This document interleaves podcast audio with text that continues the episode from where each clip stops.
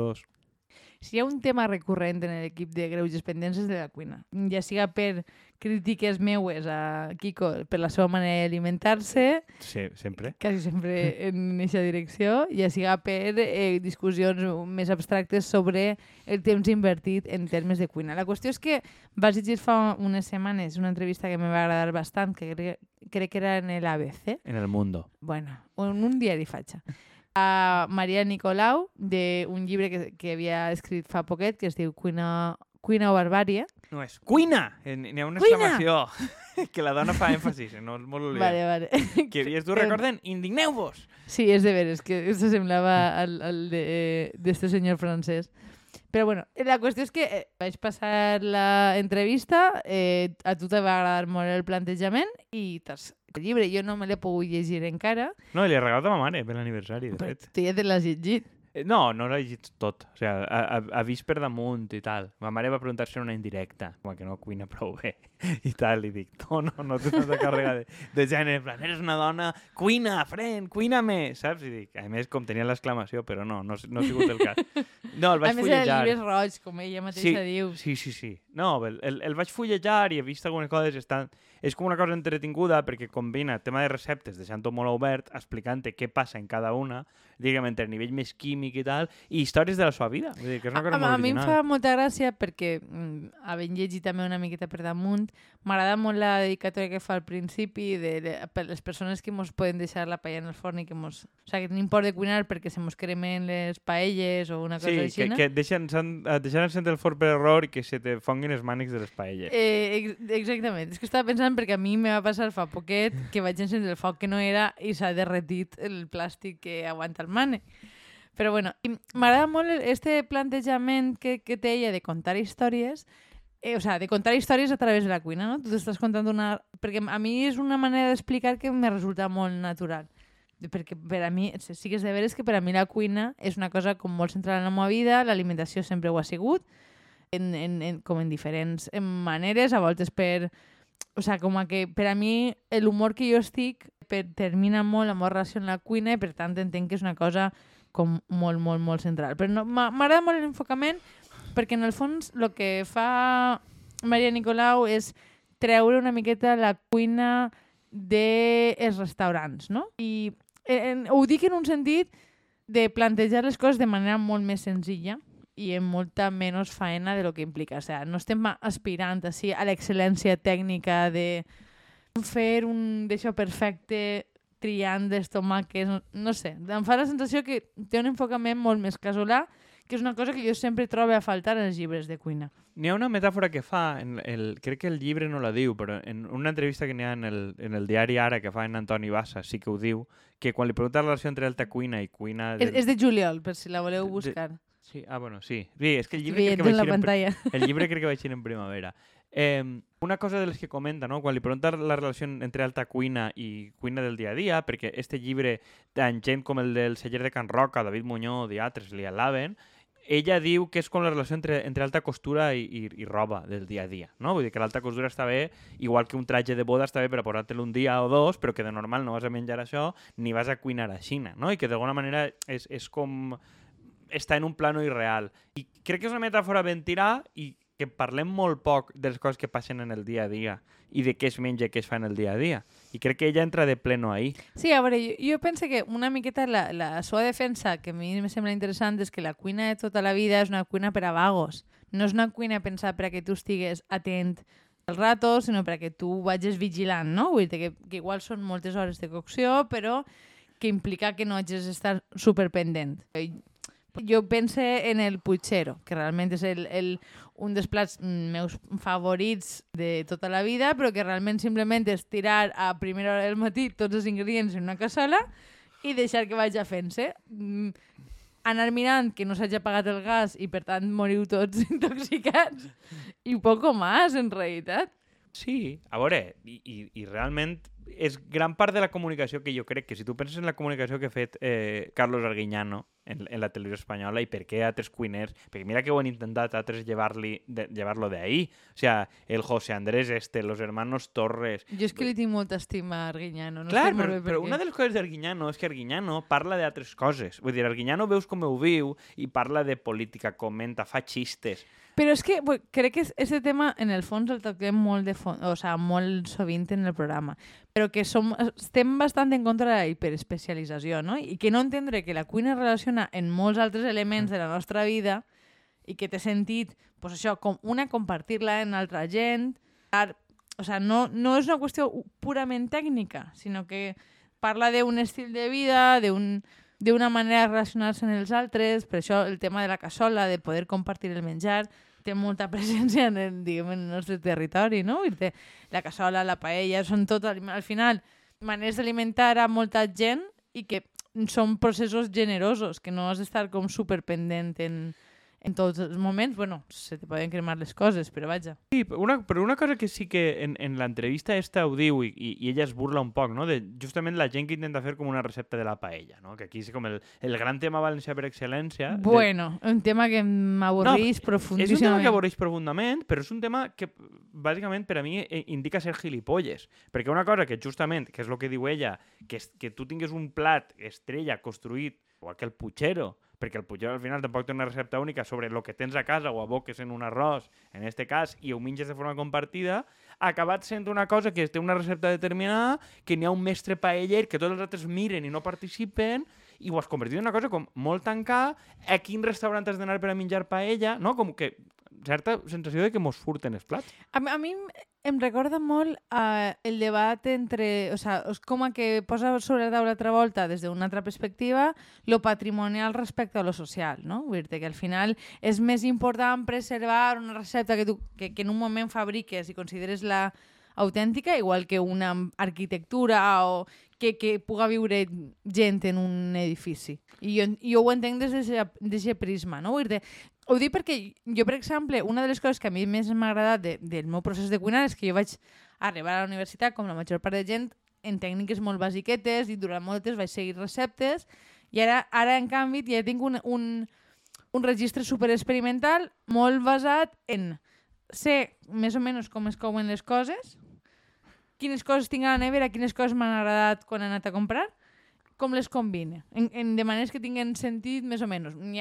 N'hi ha, moltes voltes que faig receptes que són desastroses, però n'hi ha, ha voltes que descobrís receptes noves que, me- que les ha, eh, torne, a, o sea, que me les guarde com a manera de repetir, no ho sé, o sea, la idea de tindre un enfocament experimental i no que n'hi ha una manera preconfigurada de cuinar, a mi me sembla superinteressant i molt, i- o sea, com molt deixar de costat, no? Com a que tots necessita una recepta prèvia, pues això, ella, ell es burlava en, en esta entrevista que comentes del tema de usar pesos, de qui usa pesos en sa casa.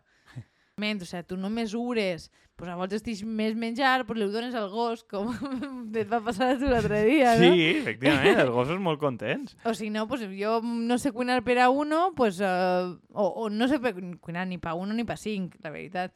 Pues, si sobra o si falta, pues compenses i treballes, no sé, també requereix una certa agilitat mental, no? Que, que crec que es perd si tot està com preconfigurat. Però també crec que va de, de que tu tinguis certa seguretat i entendre... que- I a més funciona com qualsevol ofici, també, o sigui, qual- qualsevol habilitat. Si tu cuines i Estem entens... parlant una altra volta de l'artesano de Senet. Sí, de fet, el, esta dona el cita, no? Nicolau el cita com una referència seua, no? De, de, de, de com gastar-ho. Al final, si tu entens el procés químic, a més com la pròpia química, que, que on hi ha, allà on hi ha un element, tu pots posar un altre que faci les mateixes funcions i encaixa de la mateixa manera, tu allà on hi havia credilla pots posar moniato o pots posar una altra cosa per acompanyar un tipus de carn i probablement fas una funció molt determinada, perquè al final O és pots química. posar pak choi, que s'ha fet en cullera perquè resulta que n'hi ha mercat europeu, per exemple. Sí, primera que, que es, es dissol totalment el que significa el mercat i lo tradicional. És que recordem que lo tradicional és allò que a Joan Fuster el van cremar en la falla, que no era per nosaltres valencians, és per posar una guia turística que la paella es feia en rata. Lo qual és una indicació de que és una societat pobra que partís de lo que té i que en aquell moment una societat que va de moderneta no va acceptar no és que hagin estat menjant rata estan tots, sinó que els anys 60 probablement encara tiraven rates en la paella. I què? Vull dir, jo recordo que per a ma abuela era un deshonor que el malnom de la família fos el granotero perquè menjaven granotes, perquè era de pobres. I dos generacions després ho portes a gala, dir, pues mira, una família humil ha menjat de lo que tenia i probablement li he trobat el, el, el seu Bueno, encant. però és com, la, la, la, per a mi, o sigui, igual és perquè som de la Marina, no? I, i que tenim com, com molt integrada història de familiars pobres, però que per a mi la, la paella de mar i muntanya té a veure en què tens mar i la muntanya. I per tant, pues, arreplegues el que pots de cada puesto. No sé, jo, jo és que la veritat és que en el tema de la paella, igual per no estar dintre de València, no? que pensa que València som molt acerrens d'això, però nosaltres hem menjat molt paella de temporada i per tant en Setmana Santa paella amb bacallà i floricol, en, quan hi ha temporada de carxofes, carxofes, quan hi ha faves, faves, i sempre hi ha elements, diguem, que, que la fan especial per cada temporada, que a mi em pareix una cosa especialment bonica, no? Vull dir que un plat tinga capacitat i flexibilitat suficient per adaptar-se a cada temporada. Però no, jo no crec que sigui bonica, que ho és. Crec que sobretot és funcional. O sea, si tu eres capaç de Bueno, processar sí, els productes òbviament. de temporada... Sí, és que a mi lo que, lo que em pareix bonic és la, lo funcional, O sea, ahí, ahí crec que entrem en, en la teva pròpia idea de l'art, no? que crec que està, que està bé. O sea, l'art nada. bonic és el que es pot servir per a algo i no es queda eh, tancat en a mi, una urna. A mi l'estètica per l'estètica no m'interessa. Però és que crec que ne, jo crec que en, en l'ús que fan no molt d'això. O sigui, si tu tens plats que són capaços d'absorbir el producte de temporada, probablement tinguis una alimentació més sostenible, més sana, més de quilòmetre zero, igual que si, no sé... El... Però ta també assumint que el, el quilòmetre zero pot canviar, eh? Per, Sí, per lo que vull dir sí. A, a mi me, me va agradar molt el, el llibre este que tu eh, comentaves eh, d'un economista valencià, que com a... Saps de qui parla? No. Eh, bueno, eh, bàsicament va fer com una, un recorregut pel territori per entendre quines coses fabricaven. Ah, sí, el de... Sí, I el, llibre- de, el de Pepe... Sí, hòstia. Eh, Sem- nou viatge pel País Valencià. Sempre vull llegir-me-lo, però me'n recorda molt el tema de eh, la verdura xinesa en, en cullera. Perquè era com, bueno, eh, així la temporada la tenim distinta que la tenen allà en Xina i per tant podem servir al mercat europeu en una altra època. Pues resulta que en quilòmetre zero tens productes que no estàs acostumat, però que pues, igual que la tomaca i la creia en el seu moment, no? Dir que... Hòstia, però la tomaca, la, cre- la taronja, el, La tar- el, el clar. caqui, o acate, no fotem. O sigui, és que, és que d'un costat tens un, tota Sí, esta sí, gramàtica clar. i, i, i d'altre el propi, el que ha fet la pròpia agricultura valenciana i la indústria és, és agarrar coses de fora i copiar-les i fer-les així. Vull dir que això, lo de la col, realment crec que és un tret molt més identitari valencià, això, que tota l'altra sacralització ridícula que fan. Que és que dius, mira, això dona, això té venda, t'adaptes al mercat i xim-pum. Sí. A veure, vull dir que al, al final el, el, lo que alguna volta ho havíem dit, no? El tema del taulell socarrats i totes les coses aquí, del vidre i tal, al final són Imitacions. imitacions de barates de productes xinos o europeus o el que siga. I escolta, que la indústria va a Xina. Igual que els xinos han fet mòbils barats hasta que mòbils xinos ja són competitius, però fa 10 anys la gent no es plantejava comprar un mòbil xinès perquè pensaven que era algo cutre. I avui en dia, no, és Xiaomi i tots estos ja són Ja, són molt bons, eh? Huawei, no? Xiaomi, no sé quantos, és perfectament eh, competitiu. Pues fa X hagués dit, no, no s'han fet mai mòbils a Xina. Pues ningú seria aquesta lògica, no? Però per al menjar gastem una cosa molt No, més compra tancada. Samsung. Clar, exactament, no n'hi no, no n'hi ha que fer. I, I també són com, com coses asiàtiques. Crec que això n'hi ha el risc de tancar les coses en una urna i fer-les absolutament inútils, i crec que sereix per a qualsevol tipus d'art o tal, i després turistificar-les, no? que és la cosa que sempre mos passa i que crec que li passa molt a la cuina valenciana i en general, que és Que, bueno, que, que és una cosa que comenta bastant Nicolau que pense que és central, no? Vull dir que el menjar serveix per alimentar-se, vull dir que és una necessitat que tu, en la que tu naixes i que tu has de cuinar tots els dies de la teva vida. Per tant, evidentment, és una cosa dir, que, que tu, si, turistificar coses que tenen que veure en, en la teua supervivència bàsica, pues, acaba sent contraproduent, com, com veiem en la major part dels casos, no? Però, bueno, és el que, lo que està passant ara en la ruta dels esmorzars. Si tu vas a qualsevol bar d'esmorzar, la, o sea, le, la, la tortilla està feta, les llengonisses estan fetes i la, la meitat de coses estan fetes, les mesclen en un entrepà, perquè l'esmorzar té que ser barat i funcional i ràpid.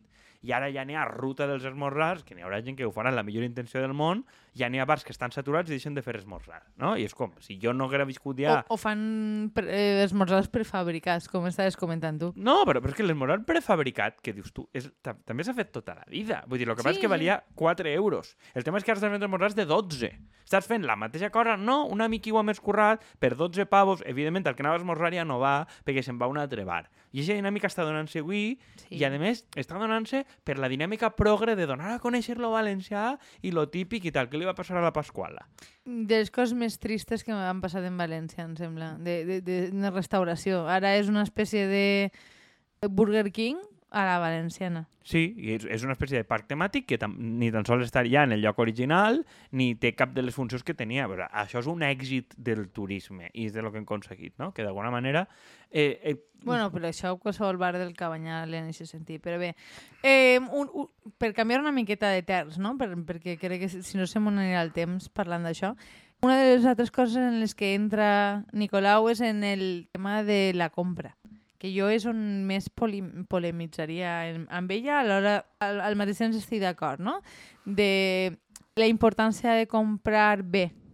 Encara que el que ella intenta fer, que pense que no està mal pensat, és com canviar la manera de comprar, no? De dir, bueno, pues si he de comprar millor, de més qualitat, pues comprem més quantitat per haver d'anar menys voltes, no?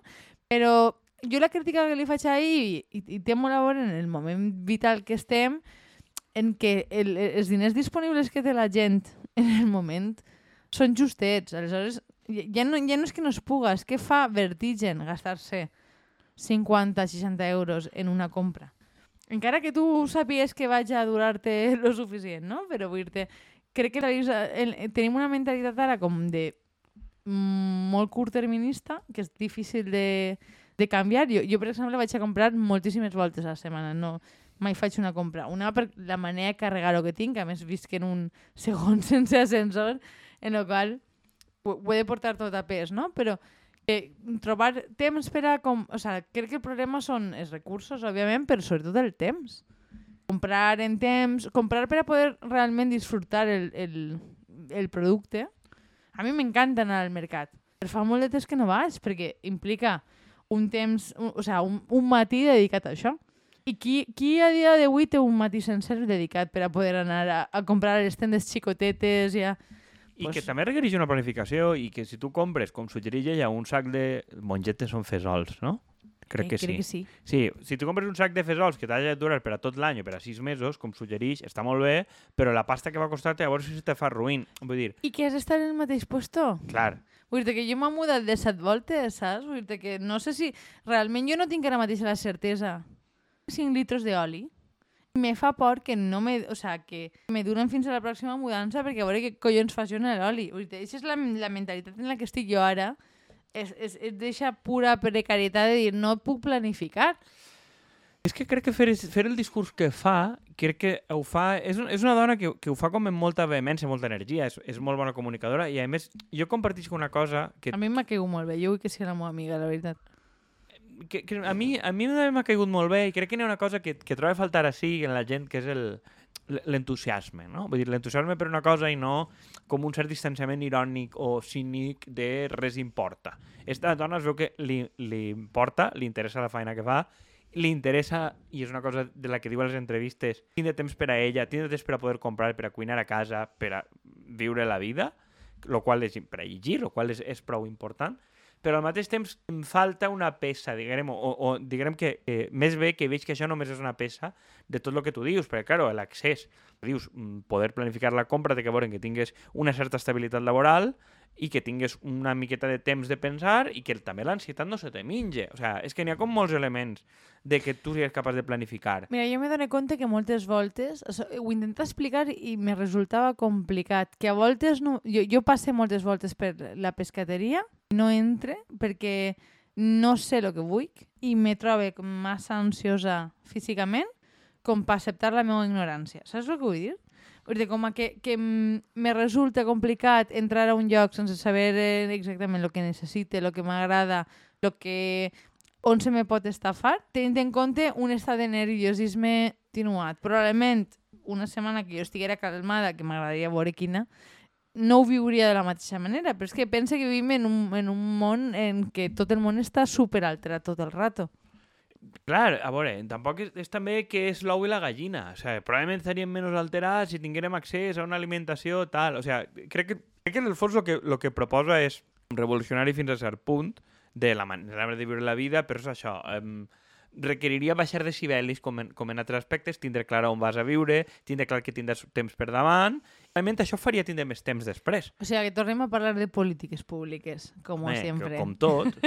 però jo, jo, jo sí que, que crec que està bé mostrar aquest entusiasme per algo i crec que crec que l'enfoque que fa és que val la pena viure la vida, cosa que no, no, jo no trobo molts elements de dir tindre gust per lo que fas genuïnament i això, no des d'una superdistància, no en un objectiu determinat, sinó disfrutar lo que estàs fent, no patir per a després menjar-te, sinó disfrutar el mateix fet d'anar provant mentre ho fas i Sí, tal. bueno, és que és, és la filosofia de Sennett de disfrutar el procés de- d'aprenentatge, no?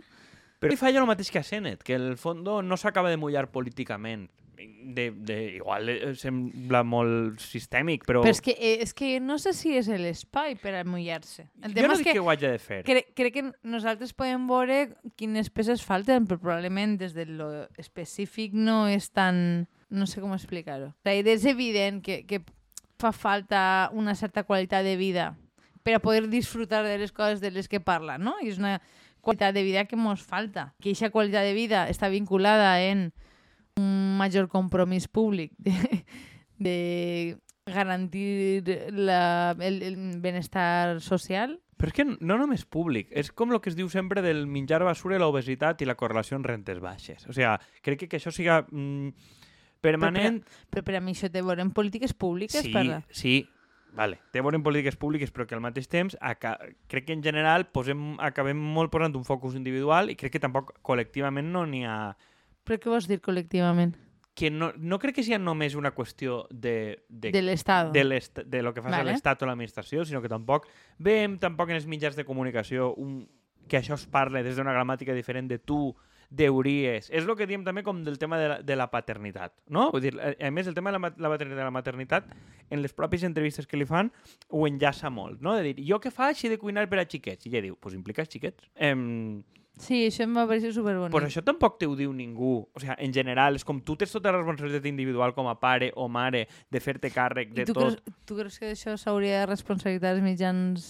Jo crec que si tinguérem un discurs de que, de que no hi ha una responsabilitat col·lectiva, en general, de que mm, per molt que, que, que mengen els xiquets en este cas, o què fas, o tal, si hi ha una cosa com més pública i menys... Mm, A veure, perdona que et talli, eh? però m'està sonant un poquet a si ma abuela tinguera rodes seria una bicicleta. ah, efectivament. No, però el que vull dir és que, és que em sona que este discurs pot acabar una miqueta en com has de fer més esport, has de dedicar més temps al mindfulness, has de no sé què... O sigui, com molta pressió individual i no es diu, no, és que això probablement no pots fer-ho perquè tal. Que, que a més diria que és justament en contra de lo que ella promulga, eh? però sí que veig una miqueta la tentació si no hi ha una miqueta... No sé, és que, que, que crec que en el tema de la cuina, com qualsevol altre, assumir-ho com una responsabilitat individual sol ser un error. Però és que crec que porta ahí... O sigui, ella tampoc... Eh, I a més ho diu diverses voltes, eh? Vull dir, escolta, jo no dono lliçons, jo no generalitzo, jo he vist la vida d'esta manera. Però sí que li pregunten el món de la cuina. O sigui, el tipus del celler de Can Roca o el David Muñoz Uh -huh. poden dir que està molt bé el llibre de Nicolau, dius, a veure, sabem quines condicions teniu els treballadors en, en, els, en els restaurants. O sigui, s'ha de ser molt cínic per a que una persona que treballa en alta cuina, no que treballa en alta cuina, sinó que és propietari d'alta cuina, Això és una diga, cosa, diga sí. que això està de puta mare. Vull dir, perquè aquesta dona, si una cosa té, és que ella ha abandonat aquest circuit voluntàriament per estar en un restaurant de poble on fa coses que diu, bueno, que li motiva més fer un menú diari o certes coses com més de un poc de combat per damunt de la gamma, però tal, que estar en un lloc fent eh, esferificació. Sí. Però que si Si, algú... fer un menú Masterchef, vaja. Clar, però si algú, diguem d'este perfil, és la persona que t'està dient que això està de puta mare, a mi dic, hòstia, cuidao, este discurs no es pot portar. Ja. Igual és una mania molt política meua, de pensar, de dir, n'hi ha que fer discursos que ells no es puguen apropiar en absolut, tampoc és això, però mm, si no els incomoda profundament i dir, no, és que mm, fan falta i la primera és que en el lloc de treball no facin treballar tant, eh, tal, el sector de la cuina no dona exemple en absolut, vull dir, és, és un sector que et diu, bueno, la cuina, igual que la consultoria, igual que la política, Sí, sí, sí. la majoria de sectors et diuen implica't a muerte i no fas res més. Segons aquesta lògica, només el sector de les mares a temps complet podrien Estava dedicar-se a pensant la cuina. exactament el mateix. Claro, no? Vull dir, només les mares a temps complet poden dedicar-se a la cuina i ni tan sols pel seu benestar propi, la seva alimentació, Només sinó per, per l'aliè, no? De, de, de la criatura i el que li convé a la criatura. Ni, no n'hi ha ningú que promulga tingues més temps per a tu o i ahí entrem en un tema, no? Concilia perquè tu tens dret al temps, no, concilia perquè el crio necessita. En, en, no n'hi ha cap lògica en què estigues tu. I crec que sense aquesta lògica d'autocura i que tens dret a l'autocura i tal, més política, això de la cuina crec que no encaixa en cap puesto. Es pot quedar com una cosa que, això, un xef... No, però, però jo ho veig també com, com moltes altres coses que veiem com a que no acaben d'encaixar en el moment en el que estem. O sigui, jo ho veig com a...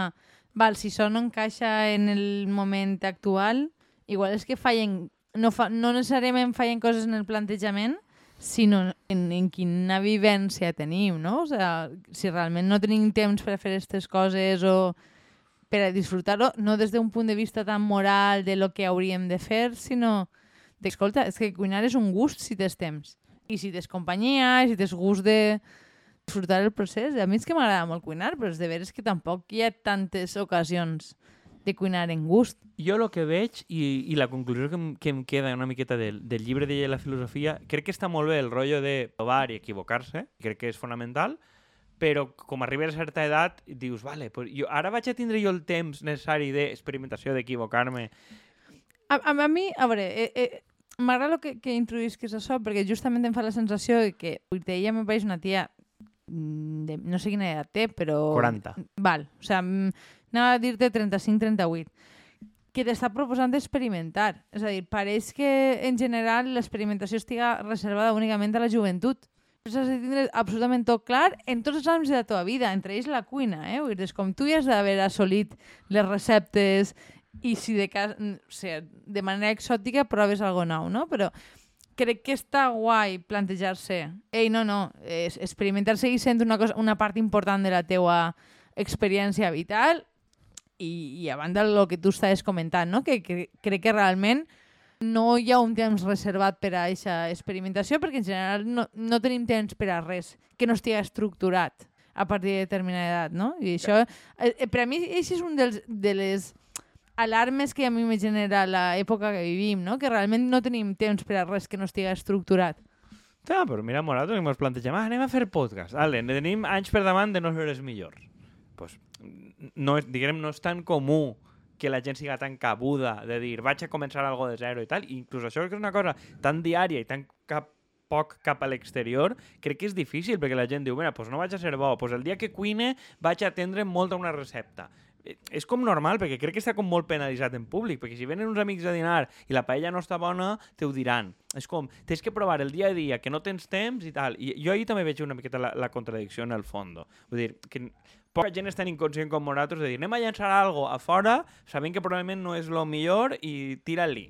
Vull dir, eh, com que tot això t'ho reservaries tu per la intimitat. I crec que el, el gran problema està ahí. Mm, vale. No estàs d'acord? Saps que m'ha sorprès que acabares parlant de, de, de nostre podcast com a experiència i experimentació? Sí, però és, de, jo, pillat, eh, honestament, és que m'has pillat per sorpresa. Sí, a veure, és que crec que la comparació és esta. Eh, tu podries fer un plat que no saps en el dia que veig gent a dinar, rarament, perquè t'exposes molt. És Ah, una- jo ho faig contínuament. però, però, perquè, però però també perquè sóc una inconscient. perquè tu eres una inconscient, però això la gent no ho fa. Vull dir, jo, jo rarament ho faig i ara estic començant a fer-ho, com bé saps. Però, vaja, crec que és una cosa que és eh, fins a cert punt esperançadora, que és equivoqueu-se. Ai, se nos ha quedat un poquet de pamfleto d'estos d'autoajuda, però bueno, eh, a voltes en frases estan bé. Jo és que eh, he fet... No sé, a, a mi m'agrada la idea de, de que el, aprendre coses noves és una cosa que manté viva el cervell en general. I que me fa molta pena plantejar-nos que a partir de determinat moment has de viure una vida com superordenada, no? És que a més el concepte me pareix molt fatxa. Fer coses noves, fer-les en passió, com fa esta senyora, i equivocar-se. I, i avant. I, i tindre un benestar per a poder-ho disfrutar. I algun dia igual feu el ridícul, com vas en este programa, i que aquí seguim.